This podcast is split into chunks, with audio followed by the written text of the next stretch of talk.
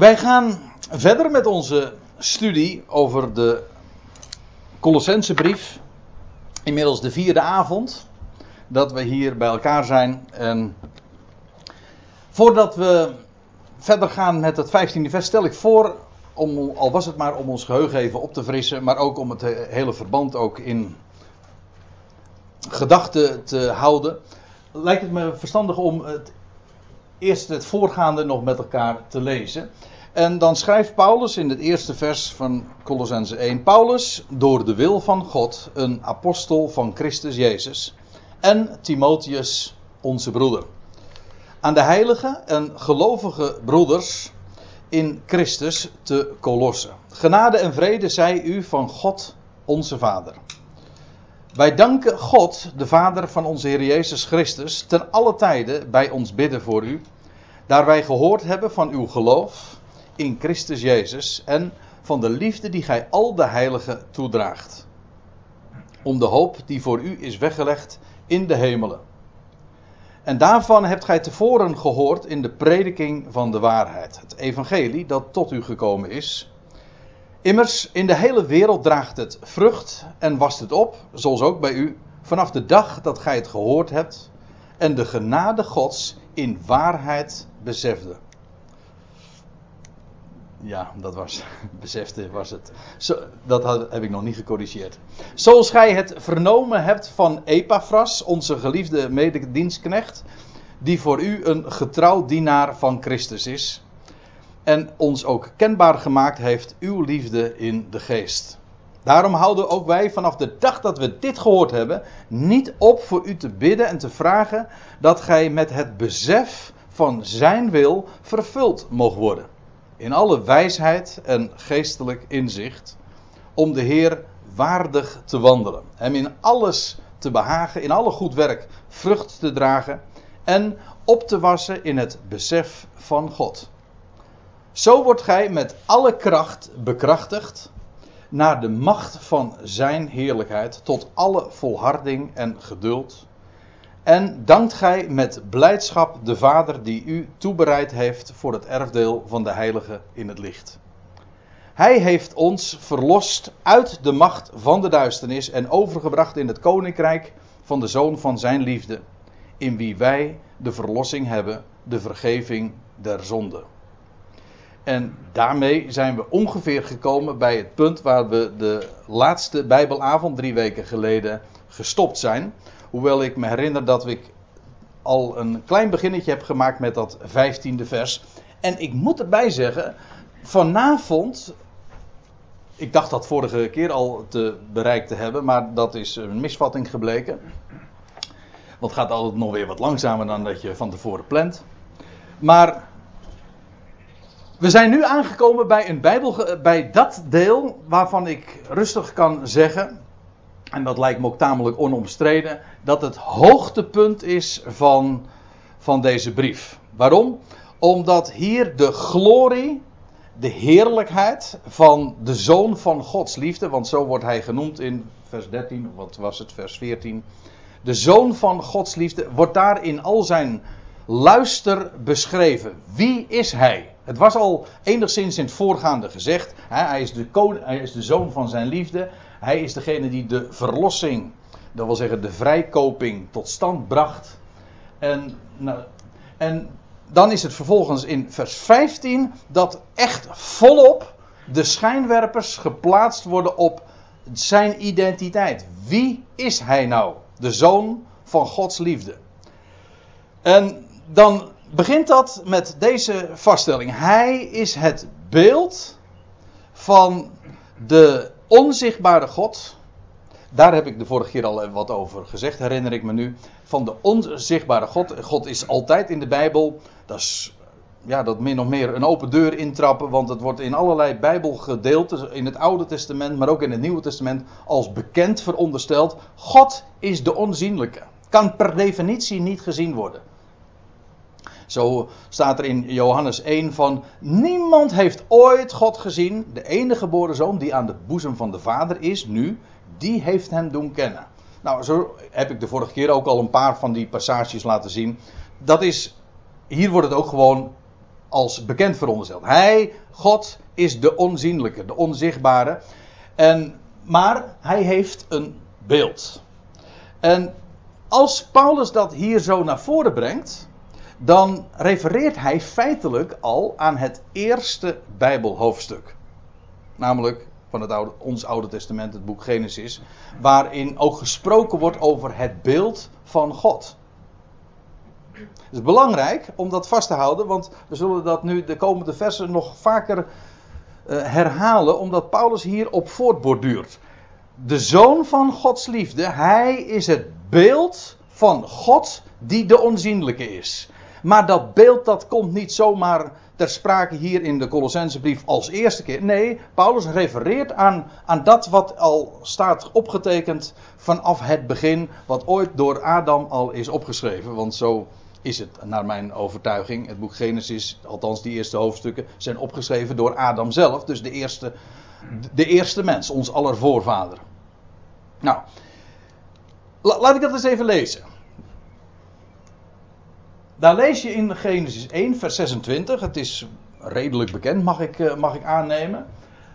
En God zeide: Laat ons mensen maken. Nou ja, dan kom ik meteen natuurlijk in een heel ingewikkeld eh, kwestie. Althans, een ingewikkeld gemaakte kwestie.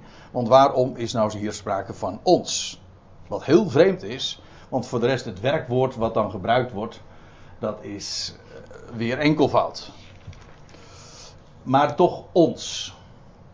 Zou niet al te zeer moeten verbazen, wij die ook spreken over de majesteitsmeervoud. Hè? Wij, koningin der Nederlanden. En ook de, het Hebreeuws kent dat fenomeen van een majesteitsmeervoud. Daar houd ik het dan ook maar op. Maar ik geef toe dat als ik het zo zeg, zonder de bonnetjes daarbij te leveren, dat ik misschien wat kort door de bocht ga. Maar waarom doe ik dat? Omdat ik nu eenmaal niet alles erbij kan uh, halen. Het gaat er even om dat er namelijk vervolgens staat: God zeide, laat ons mensen maken. Uh, naar, of letterlijk staat er in ons beeld. Ik, ook daar uh, wijs ik nu alvast even op, omdat dat in, dat voorzetsel in, ook hier weer, of althans in uh, Colossens 1 weer gebruikt wordt. Maar daarover straks meer. Hou me even vast. Laat ons mensen maken in ons beeld, als onze gelijkenis, opdat zij heersen over de vissen der zee, nou ja, en over de dieren des velds. En dan worden nog een aantal dingen zo genoemd. En dan lees je nog een vers verder, vers 27. En God schiep de mens in zijn beeld. In Gods beeld schiep hij hem. Let op trouwens, hem. Adam wordt geschapen in Gods beeld. In de eerste instantie is het Adam die als hoofd van de schepping, want hij wordt tot, tot heerschappij ge, gesteld over, over al Gods werken. Dus Adam als top van de piramide, als ik het zo mag zeggen. Uh, hij wordt geschapen, hij, niet eens zijn vrouw, let op. In Gods beeld schiep hij hem, mannelijk. Mannelijk en vrouwelijk schiep hij hen. Dat is dan meervoud.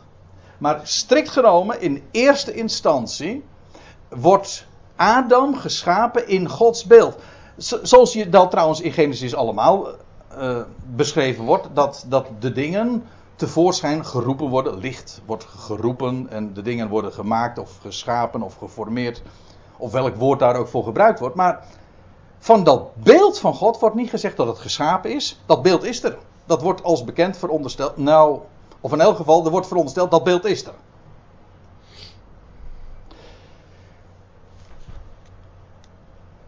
Hier in Genesis lees je dat Adam in dat beeld geschapen wordt. Maar ik zal u laten zien, maar dat komt straks nog, dat heel de schepping in dat beeld geschapen is. Maar voordat ik daar nog wat meer over wil, gaan, uh, wil vertellen, of zal vertellen, wil ik eerst nog even op iets anders wijzen. Namelijk, er staat de eerstgeborene van de ganse schepping. Oei, oei, oei, oei. Dit is eh, meteen hele heftige theologische dynamiek, mag ik wel zeggen. Want hier raken we aan hele complexe leringen. Uh, ik denk, maar, ik, ik noem alleen maar het woord drie-eenheid. Of het woord God de Zoon. Hier ja, waarom zeg ik dat? Omdat hier gesproken wordt over, niet over God de Zoon, maar over de Zoon van God. Hè? De Zoon van Gods liefde. En hij is, staat er, de eerstgeborene, daarover straks meer, maar der ganse schepping. Letterlijk staat er van elk schepsel. Of van ieder creatuur. En ik kan het niet genoeg benadrukken, maar daarmee is iets heel belangrijks door Paulus in een pennenstreek opgetekend. Namelijk dat de zoon van Gods liefde inderdaad een uitermate hoge plaats inneemt. Hij is de eerstgeborene van elk schepsel, maar niettemin, hij is niet de schepper. Hij is eerstgeborene van elk schepsel. Dat wil zeggen, te midden van die schepselen, te midden van elk schepsel, is hij de eerstgeborene. Ik kom, uh, zoals gezegd, uh, terug op dat woord, eerstgeborene. Maar nu wil ik even vastgesteld hebben, hij wordt gerekend dus tot al die schepselen. Ik bedoel, de eerste van de ministers is een minister. De beste van de leerlingen is een leerling. En de eerste geborene van elk schepsel is dus een schepsel. Hij wordt namelijk te midden van al die schepselen neemt hij de eerste plaats in. Maar daarmee is dus gezegd, hij is niet de schepper, hij is schepsel. Het hoogste of het eerste schepsel. Ik heb daarmee heel veel, uh, ja, nou ik hoef me daar niet voor te excuseren, per slotverrekening. Ik ben niet degene die Colossense geschreven heeft. Paulus heeft dit opgetekend. Maar het is heftig. Dus, ja, heftig voor als je natuurlijk groot geworden bent in, in denkbeelden van ja, dat er eh, ja, één God, maar eigenlijk is het een familie en een. Nee, je moet gewoon vasthouden aan. Er is één God, de onzienlijke. En hij heeft een zoon. En ook dat moet je niet mystificeren, dat wil zeggen wazig maken. Dat is gewoon heel concreet, letterlijk een zoon. Sterker nog, hij wordt genoemd de enige geboren zoon van God. En ook dat is letterlijk, want er is maar één iemand, één mens, van al die miljarden die er zelfs nu zijn, maar ook die ooit geleefd hebben, is er maar één die verwekt is door God zelf, die wel een moeder had, maar geen menselijke vader. Heilige, zo was het hè, ik heb het uh, nu niet uh, in de PowerPoint opgenomen. Maar ik, eh, ik kan er wel zo eventjes uit hoofd aan, aan refereren. In Lucas 1. Dan lees je dat tot Maria gezegd wordt. Dat is een belangrijk punt. Lucas 1, vers 35, als ik me niet vergis. Daar staat, daar wordt tegen Maria gezegd: de, de, de, kracht, nee, de, de kracht van de Allerhoogste zal over u komen. En, daar, en daarom zal dat heilige dat uit u voortkomt, zoon Gods genaamd worden. Maria die verbaast zich van ik, ik beken, ik heb geen gemeenschap met een man, hoe kan dat gebeuren? Nou, dat, het punt is, de kracht van de Allerhoogste kwam over haar en verwekte in haar een zoon. Daar, en daar, dus daarom staat er ook bij, daarom is, zal hij, die uit u geboren wordt, genoemd worden zoon van de Allerhoogste, of zoon Gods. Als je het zo zegt en deze dingen leest, dan zeg ik: een kind kan de was doen. Het is heel begrijpelijk. Waarom is hij de zoon? Wel, heel simpel. Hij is door God zelf verwekt. Daarom is hij de zoon van God. Wat hier in dit gedeelte naar voren gebracht wordt, is dat die zoon van God weliswaar ooit duizenden jaren na Adam, na Adam geboren werd, verwekt werd vervolgens hier leefde, stierf, opstond uit de doden. Maar ver daarvoor, en Paulus die gaat met de schijnwerper heel ver in de tijd, voor alle dingen was die zoon er al. Namelijk als beeld. Ook daarmee kom ik ook weer op een, een, een tricky kwestie. En ik, zal, ik moet eerlijkheidshalve toegeven, ik heb dat uh, tot voor kort ook zelf altijd anders verstaan. Maar een mens moet, uh, is nooit oud om te leren, nietwaar? En ik geef deze dingen door, laat ik dat dan even zo zeggen. In alle bescheidenheid, ik sta hier misschien in uw ogen erg zelfverzekerd te praten. En ik ben inderdaad wel uh, tamelijk zeker van dat wat ik naar voren breng. Maar, ik moet erbij zeggen. Uh, de dingen die ik hierover heb ontdekt, dat heet dan het voorbestaan van de zoon, daar dacht ik vroeger anders over. Ik dacht dat de zoon ook mede-schepper was. En door schriftstudie ben ik tot andere gedachten gekomen. En ik geef dat nu ook vanavond zo, vanwege het feit dat ik nu op een, een passage ben gekomen dat daarover handelt. Ik geef door datgene wat ik zelf ontdekt heb. En u moet dat gewoon, ik, ik zeg moet, Waarom? Omdat ik het namelijk heel belangrijk vind dat u niet mij daarin navolgt, maar zelf, na, zelf daarover nadenkt. En zelf de schriften daarover naleest en bestudeert en zelf. Kijk, een ander kan niet voor u nadenken. U kan natuurlijk wel een ander napraten, maar u kan niet voor, ik kan niet voor u nadenken. Moet je ook niet willen.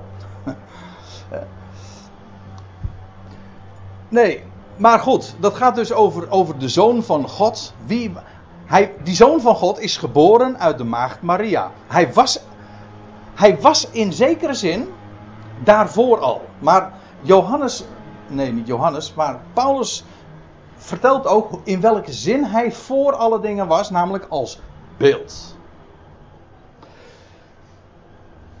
misschien dat het even goed is om een klein uitstapje te maken naar uh, het Johannesevangelie. Daar vind je dat, daar, daar wordt de, de Heer Jezus beschreven als het woord, de logos.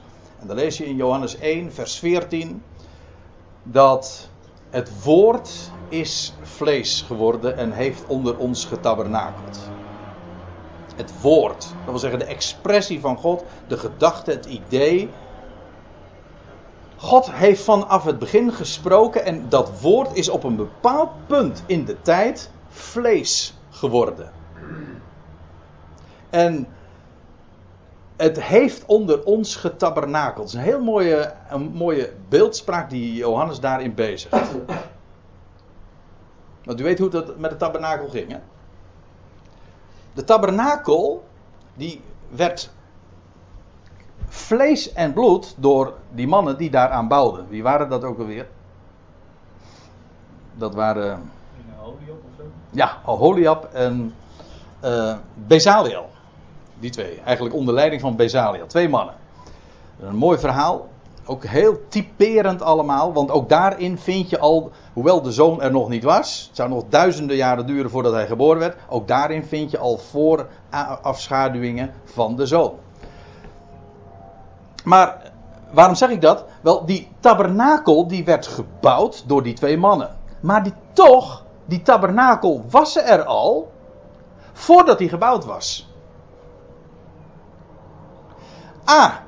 Er was over gesproken. Het hele begrip, het concept, het woord bestond al. Maar bovendien, het woord was, die tabernakel was al zelfs gezien door, door Mozes.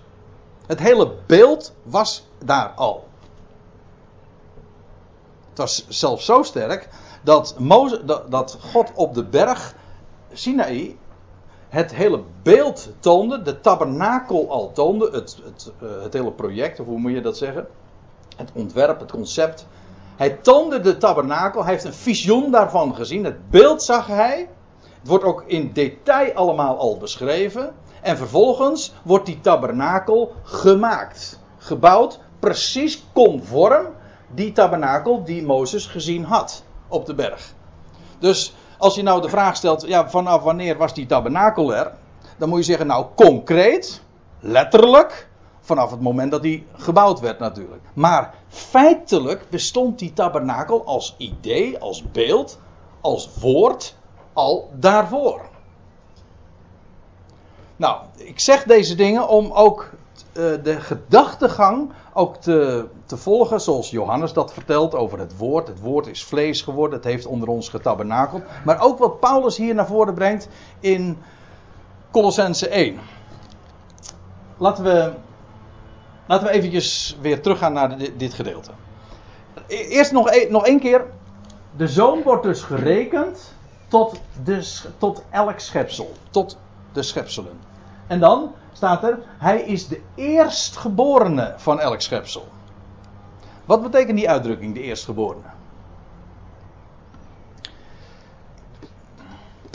Nou, ja, daar kun je een heel simpel antwoord op geven. Maar-. Sorry? Met recht. Ja, het heeft met rechten te maken. In de Bijbel wel. Kijk, als je gewoon op de klank afgaat, zou je zeggen: Nou, dat is nogal wie dus? Een eerstgeborene. Ja, hè, hè, hè, dat is natuurlijk degene die het eerstgeboren is. Ja, ja. Nou, dan, eh, moet, dan raad ik u toch aan om het boek Genesis nog eens heel goed te bestuderen. Want je zal dan de ontdekking doen dat een eerstgeborene eigenlijk per definitie niet het eerstgeboren was. Het is namelijk een rechtskwestie, precies wat Gerard al zei. Het heeft met erfrecht te maken. Degene die het eerst geboren is, die heeft een dubbel deel op de, een, recht op een dubbel deel van de erfenis. Dat is, dat is nog weer een verhaal apart. Maar het heeft, is, het heeft te maken met erfrecht. Daarom kon je ook het je eerstgeboorterecht kopen. Vraag maar eens aan Jacob en Esau. Die wisten er alles van. En verkopen. Eerstgeboren. Dat zeg ik hier nu ook even. Waarom? Hij is de eerstgeborene van elk schepsel. Waarom is de Heer Jezus de eerstgeborene van elk schepsel? Is hij als, is hij het eerstgeboren? Letterlijk? Nee, echt niet. Hij is duizenden jaren na Adam geboren. En toch is hij de eerstgeborene. En als Paulus dit hier optekent in Colossense 1, verwijst hij ook weer naar een passage in de Hebreeuwse Bijbel. Eerst al door te zeggen, hij is het beeld van de onzienlijke God. Dan verwijst hij naar Genesis 1. Maar als hij zegt hij is de eerstgeborene van elk schepsel, dan verwijst hij naar Psalm 89. Ik zal u dat laten zien. Psalm 89, vers 28.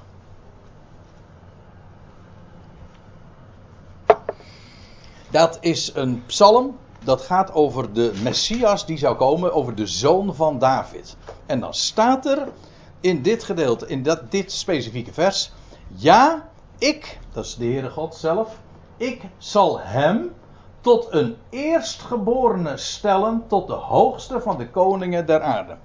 Als je goed luistert, dan hoor je daarin zelfs nog de woorden van het boek Openbaring in. De eerstgeborene uit de doden, de overste van de koningen der aarde.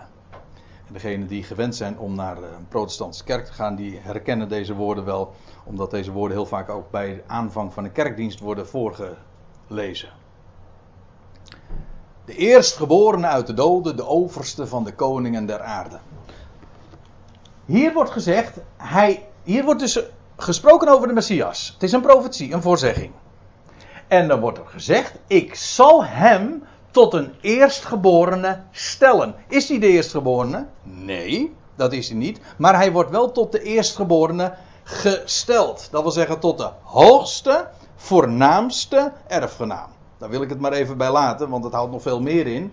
Maar dit is de belangrijkste erfgenaam. Dat is een ding wat zeker is. De, en feitelijk wordt het ook verklaard wat dat betekent, want hij is de hoogste van de koningen der aarde.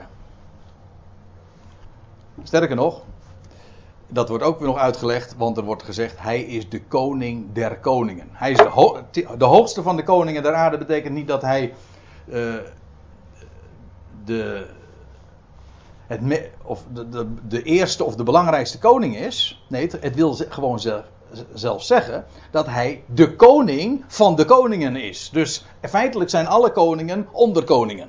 Als u begrijpt wat ik bedoel. Hij is de koning der koningen. Dat is wat deze uitdrukking betekent. Hij wordt, kort en goed, tot eerstgeborene gesteld. En als je zo ook deze woorden leest, wat als Paulus dat beschrijft over de zoon van Gods liefde, wie is hij? Hij is het beeld van de onzienlijke God, de eerstgeborene van elk schepsel. Dat wil zeggen, hij is tot eerstgeborene gesteld van elk creatuur. Te midden van elk creatuur is hij de eerstgeborene. Is hij de God? Nee, hij is het beeld van God. Is hij de schepper? Nee, hij is het eerste schepsel bij uitstek. Eerste in de, in de zin van rangorde, de hoogste. Want in hem zijn alle dingen geschapen. In hem, dat wil zeggen, in dat beeld van de onzichtbare God. Waarom is, die, waarom is hij de eerstgeborene van elk schepsel? Wel, in hem zijn alle dingen geschapen. Wat betekent dat in hem? Nou, ik, ik was uh, zo bezig met, uh, met, uh, met de voorbereiding. Toen, toen stuitte ik op dit plaatje. Ik heb het helaas nog nooit in levende lijven kunnen waarnemen. Ik ben nog niet zo lang geleden wel in Italië geweest, maar dat was in Milaan. Dit is een plaatje uit, uit Rome, de Sixtijnse kapel. Een geweldig schilderij van Michelangelo. En uh, bekend de schepping van de mens. Maar ook heel veel, uh, ja, je kunt zeggen, daar zit ook heel veel uh, fantasie ook weer bij natuurlijk. Kerkelijke fantasie. Maar het is ook wel een indrukwekkend verhaal. Wat ik trouwens, maar het, is, het is echt, heeft niks met de Colossensebrief te maken. Maar ik hoorde het juist recentelijk iemand vertellen, uitleggen. Dat hier, na, dit is God, de Vader. Dat is de voorstelling dan hoe een schilder die kan tekenen, dat is natuurlijk, of kan schilderen, is, blijft een moeilijk verhaal. Want ja, hoe de onzienlijke God, hoe, kan, hoe zet je die nou op het doek? Hm? Maar goed, daar gaan we, over dat bezwaar stappen we heen. Maar waarom, er wordt hier, wordt hier een vrouw voorgesteld. Ja, het is echt waar. Misschien ziet het plaatje niet heel al te duidelijk, maar het is echt overduidelijk een dame. En uh, dat is heel eigenaardig. Hier bij de creatie van Adam, uh, dat dan in dat gezelschap bevindt zich een vrouw die omarmd wordt. En weet u wie dat is? Dat is een, beetje voor de Bijbelkenners. De moeder. Ja, nee, nee, nee, dat is vrouwen Sophia. De vrouwenwijsheid, en dat refereert aan een spreuken 8, waar je leest over de wijsheid, Gogma, die de eerste van de schepselen is. En ook daar is beeldspraak natuurlijk. Maar dat is, dat is een vrouwspersoon. En dat is, uh, dat is deze. Maar goed. Als u dat uh, niet interessant vindt, dan begrijp ik dat ook wel weer. Want u zegt van, ik, ik kom hier om bijbelstudie te doen en niet om een schilderij van Michelangelo te bespreken. Nee, oké. Dan vergeten we dat allemaal even. Maar even bij de schepping van de mens. Hè. Adam wordt geschapen in, in Gods beeld.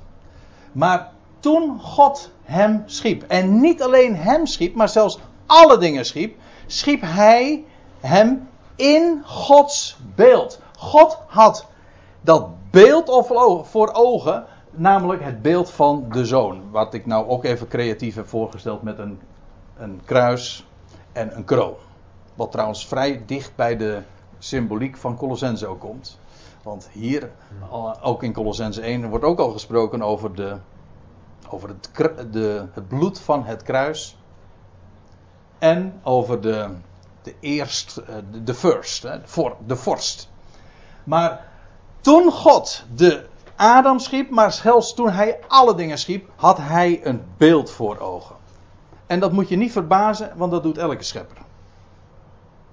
Ik bedoel, ook op menselijk vlak, of jij nu, als jij een schilder bent, dan heb je eerst een beeld voor ogen. Nou, en dat beeld wat jij in gedachten hebt, dat concept, dat idee, dat beeld, dat zet je vervolgens op het doek. En hoe beter je daartoe in staat bent, hoe groter de schilder je bent. Maar het geldt niet alleen voor de schilder. Het geldt ook voor een, uh, iemand die een huis bouwt of een keuken verbouwt. Je hebt een beeld in gedachten. of je maakt zelfs letterlijk een plaat, een concept, een tekening.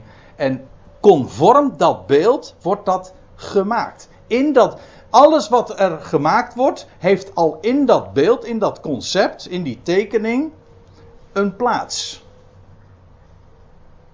En door middel van dat concept, door middel van dat beeld, maakt de schepper ook iets. Wel, dat is waar Paulus het over heeft. Die heeft het over het beeld van God waarin alle dingen geschapen zijn. En dat beeld wat God voor ogen had, dat is zijn zoon. De zoon van zijn liefde. Voordat er ook maar iets was, had God de zoon in gedachten. En dat kruis van Golgotha en de, het feit dat hij de eerstgeborene zou zijn van elk schepsel. En dat hij de eerste plaats zou innemen te midden van de hele schepping. Dat idee, dat beeld had God vanaf de aanvang, voordat er ook maar iets was, in gedachten. Ja, ik haal uh, met opzet dan ook even 1, Korinthe, 1, 1 Petrus 1 aan. Daar lees je ook over dat, dat kostbare bloed van Christus. En daar staat er, hij was een onberispelijk en vlekkeloos lam. En daar staat erbij, hij was van tevoren gekend. Voor de grondlegging, of beter, voor de nederwerping van de wereld. Maar is bij het einde van de tijden eh, geopenbaard ter wille van u. Nou ja, et cetera. Waar het natuurlijk hier om gaat, is die vetgedrukte kapitaalletters. Hij, hij is inderdaad pas later in de tijd geopenbaard, maar hij is tevoren al gekend. En de zoon is eigenlijk het hele idee van de schepping. Dat is een, heel, dat is een, prachtig onderwerp op zich natuurlijk. Maar hoe in de hele natuur, ook in de, in de levende natuur, maar in de hele schepping, of ook als je praat over, over de zon en de maan, de sterren, wat dacht u van de sterrenbeelden? Daarin is de zoon van God geëtaleerd. Ik ga nou geen vragen stellen, want dan ben ik bang dat we echt niet meer voorbij vers 16 komen. Maar dat is een geweldig onderwerp. Hoe in alles, zelfs een, een, een granaatappel, hè, of, een, of honing, of je praat over een wijnstok, doe maar wat hoor. In alles zie je de zoon van God. Met gemak is dat allemaal te ontdekken. Het hele concept, het idee. En wat dacht u van de seizoenen? En dat de dingen sterven, doodgaan, maar vervolgens ook weer tot nieuw leven komen. God had de zoon in gedachten toen hij alle dingen schiep. Wel, daar heeft Paulus het over. Over de schepping van alle dingen. En hij zegt. In hem, in de zoon, met dat beeld voor ogen, heeft God alle dingen gemaakt. Die in de hemelen. Nu kunnen we wat sneller gaan. Die in de hemelen, die op de aarde zijn. Boven, onder. De zichtbare, de onzichtbare. Het zijn tronen, het zijn heerschappijen, het zijn overheden, het zijn machten.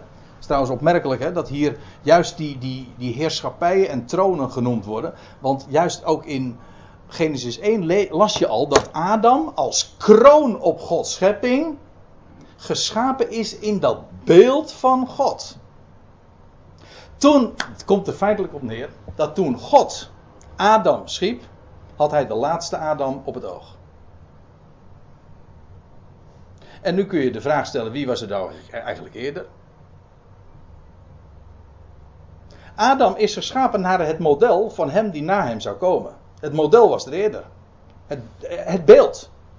Het beeld Gods. Hij is het beeld Gods. Wel, God had dat beeld voor ogen toen hij Adam schiep.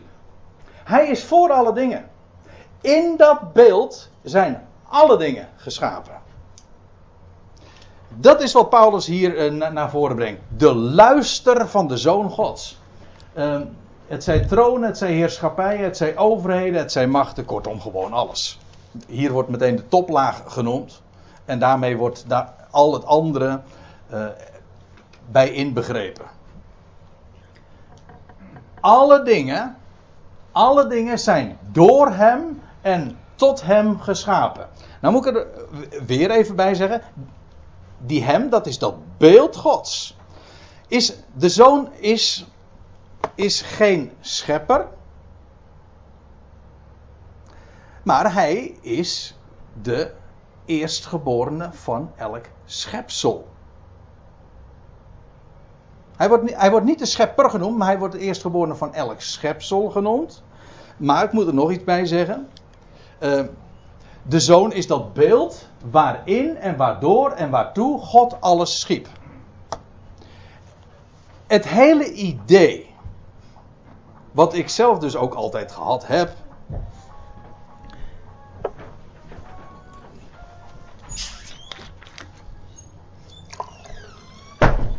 Het is dorstig weer. Water is trouwens ook een prachtig beeld. Ja, als we het erover hebben. Levend water.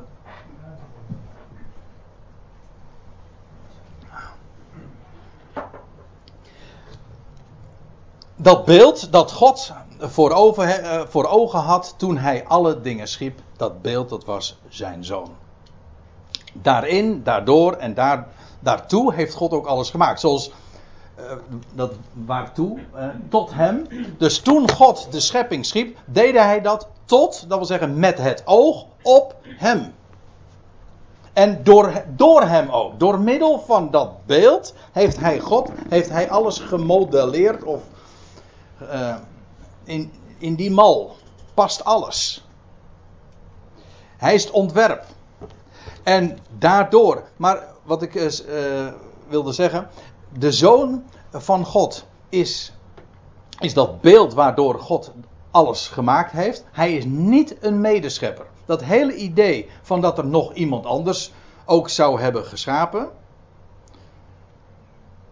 Misschien wat u ook, dat idee hebt u ook. En goed, ik geef het nu even door ter overweging. Ik ben erachter gekomen, sorry. Ja, natuurlijk. Ja, ik heb hier over staan kanttekeningen. Staat uh, bij uh, door hem. Ja. Door. Ja. Uh, Grieks in hem. Nou, dat zit dus op de goede weg, denk ik. Ja. Dat is door hem als medewerker. Ja. Ja, maar dat is dus verklaring. Ja. Ja, dan wordt er gezegd door hè. Kijk, als je zegt God heeft geschapen door hem. Dan kan dat betekenen, hij is, uh, hij is medeschepper. Het kan ook betekenen dat God door hem als beeld te gebruiken, alles al door middel daarvan heeft hij alles gemaakt. Dat is, dat is het hele punt. En het idee dat hij de medeschepper zou zijn, dat strijdt met, met wat je ja, met name in het Oude Testament aantreft. God is de schepper. Er is maar één schepper. Ik, zal, ik wil graag daarvoor een, een paar passages uh, lezen. Dan leest, er staat in Job 9. Daar is God zelf aan, aan, Nee, niet God zelf aan het woord. Er wordt gesproken hier over, de, over God als schepper. En dan staat erbij: Hij spant geheel alleen de hemel uit. Een mooi onderwerp. Over de hemel als uitspansel. Ik heb juist vorige week nog een heel programma op de tv zitten kijken. Misschien u ook. De, bij De Wereld Draait Door. Was een, een drie kwartier een uitzending ging over de, over de oerknal. Maar daar ging het er ook over dat, uh, dat de hemelen zich uitbreiden. Nou ja. Hier wordt ook gesproken over, over de hemel die uitgespannen wordt. We, gaan, we gaan het niet over de oerknal hebben. Ik, vind, uh, ik, ik hou ervan om eraan te denken dat, dat de wereld niet een. Uh, aan de wereld, aan de schepping geen explosie ten grondslag ligt. Maar een intelligent design. Een schepper die alles ontworpen heeft. En dan staat. Een schepper, niet scheppers. God is de schepper en is enkelvoud. En dan wordt het wordt zelfs niet alleen maar in het enkelvoud gezegd.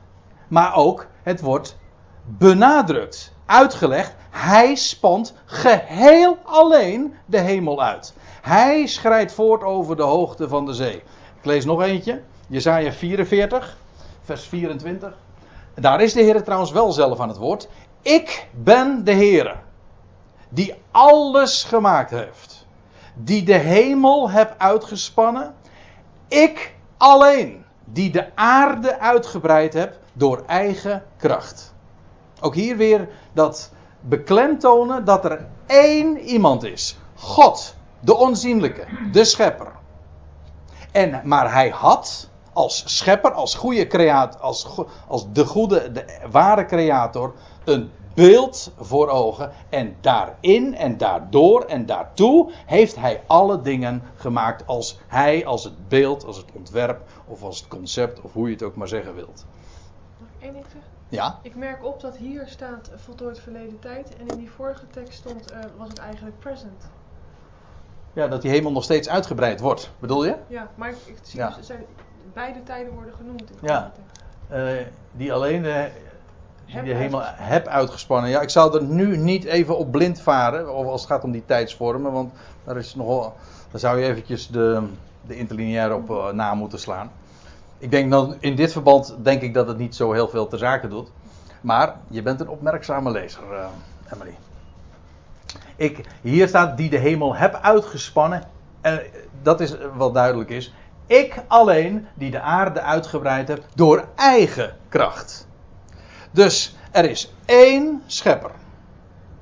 En hij heeft geschapen door en in en tot de zoon die zou komen. Ja? Dus, als je nu vraagt, uh, was die zoon er al voordat hij geschapen werd? Dan zeg ik jazeker, hij was er als idee, als logos. En hij was ook al als beeld. Zoals de tabernakel als beeld ook al bestond voordat hij gebouwd werd. Althans, zo uh, versta ik deze dingen en zo heb ik ze nu ook doorgegeven. En daar staat er nog bij in vers 17: En hij is dus voor alle dingen.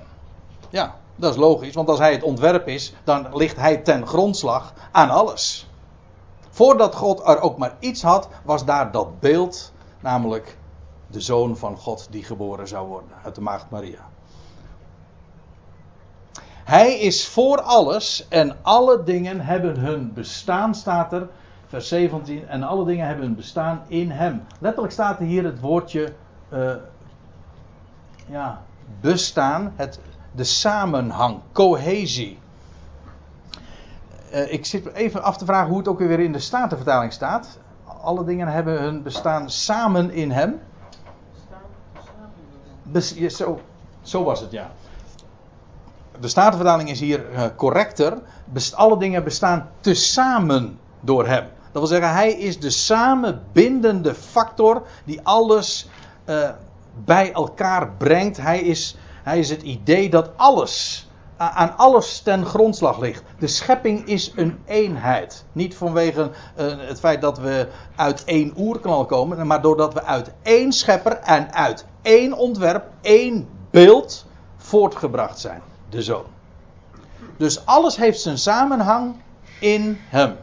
Niets bestaat zomaar, over alles is nagedacht. En die zoon van God, die is het lichtende punt, is het, is het lichtende, de lichtende persoon voor alle dingen. En, en dan gaan we verder. Want het zou natuurlijk niet moeilijk zijn om bij deze passages, bij deze versen echt nog langer stil te staan, maar eh, dan zou je meer onderwerpstudies krijgen. Ik denk dat we er verstandig aan doen om toch eh, ook een klein beetje fort te maken. Vers 18, hij staat er dan, die zoon van Gods liefde, hij is het hoofd van uh, het lichaam, de gemeente. Ik, uh, trouwens, ik uh, zit er nu even aan te denken. Nu ben ik bij een, een nieuw vers aangekomen. Wellicht dat we er verstandig aan doen dat we nu eerst eventjes pauze gaan houden. En dan gaan we straks over een kwartiertje weer verder. Ja? akut